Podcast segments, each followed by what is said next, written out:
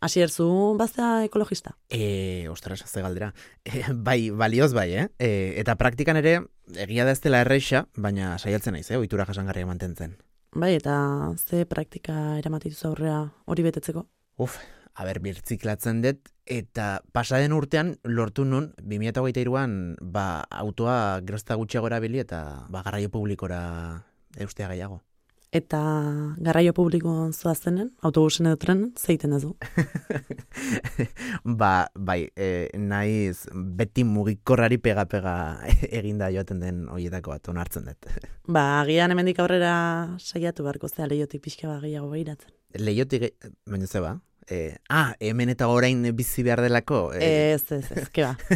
Planeta gatik, gatik? Hasi, zuk uste duzu azkenen, autobusen jutegati bakarrik, kutsatze guztien jozula ez, eta autobusen junda eta mobiakin junda, ba, kutsatzen jarraitzen duzu ze, mobiak kutsatzen dut, eta uste duna baino desente gehiago. Bai, egia esan bai, eta, eta bueno, gaur hortaz e, arituko gera kutsadura eta teknologiaz, ba, datuak beldurgarri delako, eta iritsi geralako ba, puntu oso kritiko batera.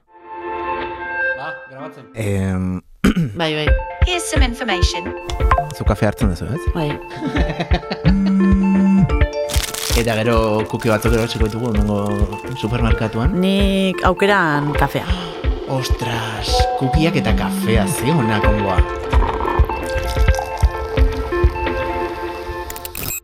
Azkenean, Sara, mm, gure alde, beti, bueno, ba, planetaren salvazioa eta gizabanako esku geratzen da, eta egia da guk bakoitzak bera etxetik eta, bueno, ba, txikitik eragin dezakela, baina ez ezagun aztu hemen erantzukizuna benetan goikoik daukatela. Eh? Bale, baina ala ere, ba, guk ere indaiko gure aldetik ez. Ba, bai, bai, dudari gabe.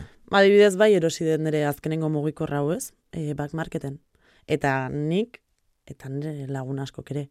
Eta, Hori, horren arrazoi handitako bat azkenen, ba, preziare jaitsiten dala ez, eta orduan lortzen duzu mobil bat, ba, esango deu kalidade hobekoa edo... Bai, gama altuagokoa. Bai, e, ba, prezio merkeagoan. Segurtasun ematen ez didana da, norbanako bati zerbait elektroniko erostea. Azkenan horrez daukazulako garantia bat, ez dakizulako nor dagoen atzean, baina horrelako denda, bueno, fisiko eta eta elektronikoetan... Bai, eta back marketek azkenen garantia bat ematen claro, bi, Bai, bai, bai, urte bete do bikoa. E, bai, pentsatzen pagatzen ez arabera. Bai, hori egia da. Eta badakizu ze, ze egoeratan iritsiko zaizun produktua etxera, badago enpresa bat horratzean nolabait ere soportea bai, eskaintzen. Bai, ziurtasun bat ematen dizuna, ez? hori da. Orduan, bai. nik uste dut... E... E, nik igual mugikor bat Wallapop bezalako plataforma baten enun erosiko. Nik ez.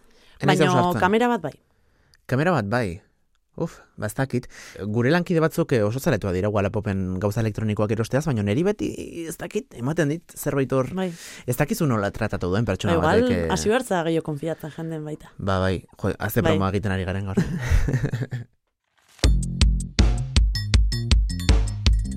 Txinak bakarrik, amar mila tona zabor elektroniko baino gehiago sortzen ditu urtero. Ameriketako estatu batuak berriz, zazpi mila tonela da. Gizabanako moduan, Frantziar eta Espainiar estatua daude topiruan. Urtero, bertako biztan lebakoitzak emeretzi eta hogeita bat kilo zabor elektroniko sortzen dituelako. Zabor elektronikoak animalion osasunerako eta ingurumenerako kaltegarriak diren hainbat osagai dituzte. Merkurioa, litioa, kandioa eta bar eta bar. Bataz beste, pertsona bakoitzak urte eta erdiro aldatzen du bere smartphonea. Ondorioz, hogei milioi mugikor botatzen dira zaborretara urtero urtero. Eta horrek, 2000 tona zabor sortzen ditu. YouTubeen amar minutuko bideo bat ikustean, gramo bat CO2 isurtzen dugu atmosferara. Eta minuturo mundu osoan lauko mazazpi milioi bideo erreproduzitzen dira. Gemaien, mezu elektroniko bat gordetzeak amar gramo CO2 sortzen ditu urtean. Eta minuturo, eundalaro gehieta mar milioi korreo berri bidaltzen dira eta datuak ematen pasagenezake eguna, baina guzti hau ondo laburbiltzen duen informazioarekin amaituko dugu. Gure bizitza estilo teknologikoak abiazioaren industria osoa baino gehiago kutsatzera iritsi da azkenean. Nik planteatzen zuten galdera gaur hasier. Bai. Autoelektrikoa eko dala uste duzu? Bueno, bintzat horrela saldo digute, ez? Bai, hola saldo digute, baino entzun ondorengo datu hauek olako autoa fabrikatzeko ordun, hmm? behar die, moitzea. Amabi tonela da lur, litio ateratzeko. Beste bost tonela da lur, kobalto ateratzeko. Iru tonela da lur, nikela lortzeko, eta amabi tonela da mineral, kobre ateratzeko. Guztira, berreunda berrogeita martonela da lur mugitu behar die material hori ateratzeko. Eta ez pentsa lan hau iten duen makinak, ba, dibidez eskabadora batek ez daukenin kontsumo. Eta ez pentsa horrek ekoetik eta eramango donik. Ostras, orduan, e, sekulako sarraskia ez? E, egin behar da naturan... Bai, eta hori gutxi izango bazan, azkenen olako sarraski bat eta gero, bai. ba, autoelektriko batek beharko zituen zazpi urte zero emisio zeo bilortzeko. Eta orduan, zazpi urte hoietan, zuk lotu hori, bateria baten bizitza ez, olako autoelektriko baten mm bateriaren bizitza, zazpi amar urte bitartekoa dela. Ostras, orduan, noizbait, konpentsatzera iristen denean, kotxe elektriko hori elektrikoa dela? Bai, bateria berri bat sortu behar du, eta berriro of. kontsumitu behar da, beste guzti hori. Eta gainera, kotxe elektriko batek dauzkan materialen artean, litioa da bereziki izugarri kutsatzen duen hori dago bat. Ei, hasier arrasti naiz. Eta hauen zuten ari bazara, seinale norbaite gomendatu dizula kuki eta kafea podcasta. Edo hori, edo hor nun baita aurkitu duzu. Tira, beste aldean zaudela eskertzeaz gainera, gogoratuko dizut, dena delako audio plataforman arpidetzeko botoitxo bat izango duzula eskura.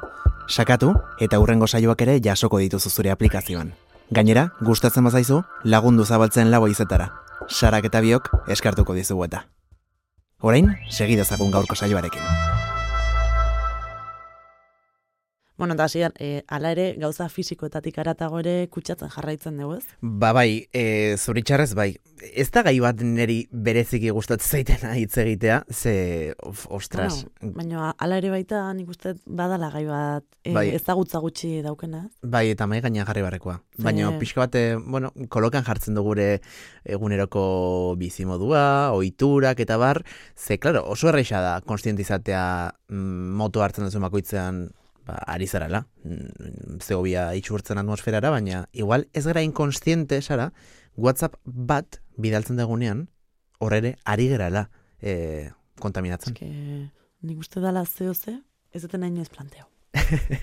Hola, mezu bat ez, ezakit, zenbat mezu bialduko ditugu baita egunen zeharrez? Ba, ba, imaginatu, eh, eske gainera hor gai potolo horretan mm, badaude hainbat e, ertz mm, aztertzekoak ze alde batetik, bueno, gehien gehien gehien kutsatzen duena e, gure mm, interneteko jardunaz dira datuak. Hau da, odeia. Odeia da gehien kutsatzen duen kontua, izan ere, bueno, badakizu, odeian dauden gauza guzti horiek data zenterretan e, gordetzen dira, hau da, datu biltegi erraldoietan, bai, bai. poligonoak eta poligonoak eta poligonoak, e, bakarrik... Mairutan bezala gaina. Hori da, hori da. Data center hoiek dira gainera teknologia industriak kutsatzen duenaren euneko berrogeita bostaren erantzuna. Instagramen, YouTubeen, Gmailen tokidanetan, ba, zure datuak eta informazioa azkenean edukitzeak, ba, koste baduka. Azkenean, lehenik eta bidaietu egin behar duelako. Ba, kasu askotan, Ameriketako estatu batuetara ino. Ondoren, bertako zerbitzariak, erregai fosilez, edo energia berriztagarritz, baina... Bai, lehen itzaiten Hori da, hori da. Materialez. Hori ere martxan jarri behar delako. Eta mundu osoko jardun teknologikoa oso oso handia da, ez da bakarrik sara lantzek egiten duena legazpetik, baizik eta mundu osoan barrena zenbat eta zenbat milioi pertsona gabiltzan, une eta momentu berean e, interneta kontsumitzen, ba begira, e, internetak e, mundu mailan gizakiok erabiltzen dagoen energiaren euneko zazpia kontsumitzen du. Hau da, egun batio kontsumitzen baditugu, bai. zazpi batio horiek, eh, internetak, e, interneta, internetak funtziona ezan erabiltzen da. Egi esan, da bel, bai. Ez da, ez da, interneta ez da zerbait, kutsaduran pentsatzen dezunen buru atortzen zaizuna, ez? Beti ba edo... Ez da lako fizikoa? Bai, nahi indikan, arraro egiten zait, e, fizikoa ez da zerbait kutsatzen dola pentsatzea. Hombre, ez da fizikoa guretzat, gero interneta berez baduelako oinarri fisiko bat. Bai, bai, lehen Zerbitzariak, ordenagailuak eta guzti horiek. Baina hala ere, hmm. ez dakit, ez zait burun sartzen. Gero egia dare bai, hau, mai gainan jarri behar dugu, enpresa eta multinazional bakoitzak erago behan edo kerrakoan kudeatzen duela guzti hau, eta adibidez, bakizu zein den gauzak bereziki gaizki egiten dituen enpresetako bat? Ba, ez dakit, Google. Ba, bai, Google, bai? HBO, Netflix eta horrelako streaming plataformek, baino asko zere gehiago kutsatzen du, baino asko zere gehiago ari naiz, agian amarra aldiz, YouTubeen bideo bat ikusteak. Benetan? Bai, bai, bai, bai, izugarria da. Ba, oain, mintza YouTube igual, lehen baino zertxoa gutxi ikusten da, baino... Bai, bai, jetxiko zen, eh? E, azken bai, urtetan. Ez da azkitura intxe, oza, ez da zifrak aurren, baino Hola, ingura behirauta. Eta ikusita azte beste plataforma batzu daren. Baina hala ere kontsumo altu dauke eta horrek eragingo du kutsadura altu baten ere. Ba bai, egia esan e, beldurgarriak dira datu hauek eta bueno, aizu, gure esku ere badago nola baitez, e, Sara, guzti hau... Bueno, eta hala ere ez dago gure esku enpresa handi edo multinazional batek zerriten don. Mhm. Baina, bueno, ba, gaurko nik bai ekarri ditut gure esku dauden gauza batzuk, Ah, ondo. tip moduko batzuk, ba, indaizkeunak, ba, pixkat, kutsadura hori gutxitze aldea, ez? Ah, venga. Ba, hoien arten, adibidez, gomendatzen da, ez erabiltzea guztiei erantzun aukera korreo. Bale, hori da lehen datuetan esan dugun bezala ez, mezu elektroniko bat bidaltzeak kutsatzen duelako, eta igual askotan... Bai. eh, Orduan zu, pertsona bati bialtzen diozunen kutsatzen du. Baina pertsona bati biali beharren bialtzen badiozu bostei, Claro, ba, baindikan gehiago kutsatzen du. claro. Osa, hobea da, e, pertsonari konkretuki erantzutea emailean mezu hori. Bai, hori da. Gutxigo kontsumitza aldera, bai. Bale, bale. Gero, nabigatzaileen irikita dauzkezun orrialdek iztea, baita beharrezko da, ze irikita daukezun orrialde bakoitzeko keio kontsumitzen da. Eta osa, hori da, pestainak, nik- ez? nik- Pestaina horiek itxi behar ditugu. Bai, hori da pestainak. E, horritxok Mhm. Googleen irikitzen dituzunak, hori da nik plantea barko nun zerbait, ze amar mila eukitzen ditut irikita. Oietako zera? Bai, oietako. Uf, nik ez eta aguantatzen, mania handia dokat. Eta, bueno, musika entzuterako ordun edo podcast bat entzuten Mhm. zaren momentun, gomendatzen da deskargatzea. Ordun offline entzuten naizean bitarten hori, gutxigo kontsumitzen. Ah, bale, bale, bale, orduan, claro, e, abesti bat deskargatzen duzunean hor bai kutsatuko dela zerbait, baina gero abesti hori berreun aldi zentzun behar badezu, ja berreun aldi horietan, ez duzu, ez, errekurtso guzti horiek behar. Bai, proportzion gutxigo kontsumitzen da. Mhm, Bale, bale, osake Spotify eta tokidanetan deskargatu kantuak. Hori da.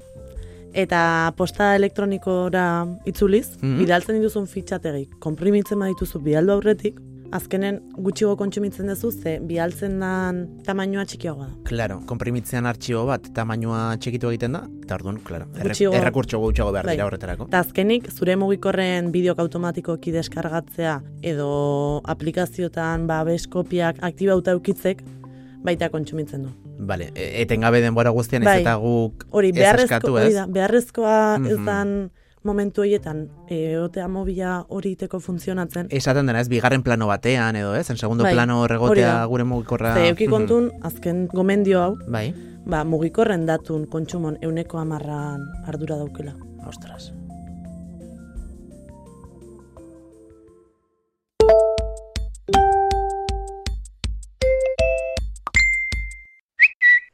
Uf, eta guzti hau aztertuta, Sara, ez dakit, e, zugai ikusten zera, horrelako ohitura berriak, azkenean ez dute inbeste lan exigitzen, eh, berez, eh? A ber, pixkat azkenen ez da, ba, kukikon hartzean komodidade ez. Pixkat berdina ez. Ba, ohitura txikik, baino komodidade aldetikan ez ditugunak aldatzen, ba, Hmm. perezagatik. Bai, erabat, gero ez dakit horrek ere zer nolako aldaketa suposatuko lukeen planetaren salbakuntzan, baina egia da, ba, gauza batzuk egin daitezkeela. Adibidez, aipatu duzun azkenekotariko aholkua, nik WhatsAppen bai daukatela e, automatikoki jarrita argazki, audio eta bideo guztiak deskargatzea, eta askotan... Nik ez, baina ez zaitlako gero gustatzen nire galeria betetzea. Ah, eta meme bat edo argazki bat bidaltzen badizute, Nik eman bardio deskargatzeko, nahi baldin badet. Eta denei ematen diazu segura. E, gehienei, baina hola bialtzen dituztenen amar mila gauza igual, ez dizkitenak interesatzen, batez ere talde handi hoietan, ja, ja, ja. ba, hortxe geratzen die, eta nik ez dut deskargatzen. Eta bitu, puntu bat irabazten dut, ez?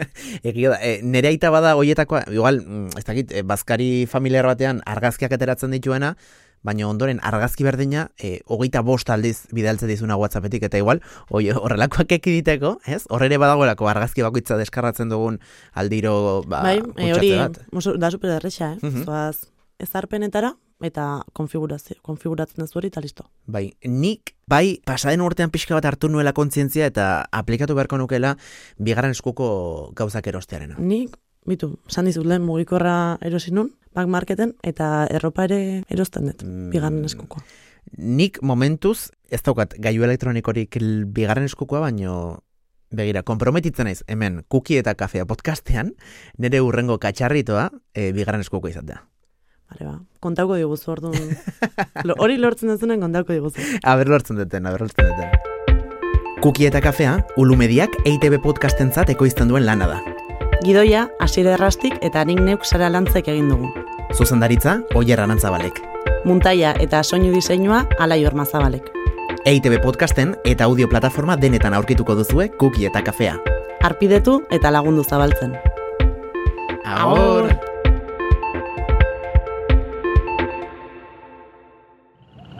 Ei, txt, entzun hori. Ulu Media.